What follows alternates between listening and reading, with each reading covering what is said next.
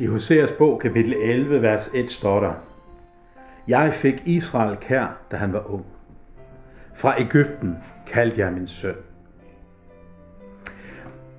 Det her bibelvers er noget, som, øh, som Matthæus bruger for at fortælle om, at Jesus, Øh, at han var i Ægypten, det blev forudsagt allerede inden Jesu tid, altså ved profeten Hoseas. Og samtidig i Hoseas bog, der ser det ud som om, at, at det er en tekst, som egentlig handler om Israel. Jeg tror, at det, som, som Gud ønsker at vise os med sådan en tekst som det her, det er, at ligesom Israel havde en særlig profet, eller har en særlig profetisk funktion på jorden, hvor deres opgave er at holde Guds ord frem og fortælle mennesker om, hvem Gud er, så mennesker kan se og lære af Gud at kende.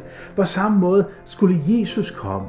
Han skulle også være en, der var kommet fra Ægypten, væk fra slaveriet, ligesom øh, øh, israelitterne var det, og nu træder han frem klar til at forkynde Guds ord. Så Israel, hvad, hvad skal man sige? Israels opgave var at pege på Gud og Guds sandhed. De svigtede, ligesom alle mennesker har svigtet, og Jesus kom for at fuldføre det. Jesus kom for som den fuldendte israelit. Jesus kom som den fuldendte jøde, der kom og, og bragte, så at sige, mm, budskabet til, et, øh, til, til, til, til opfyldelse. Han fuldførte løbet, øh, som, som, som Israel var begyndt på.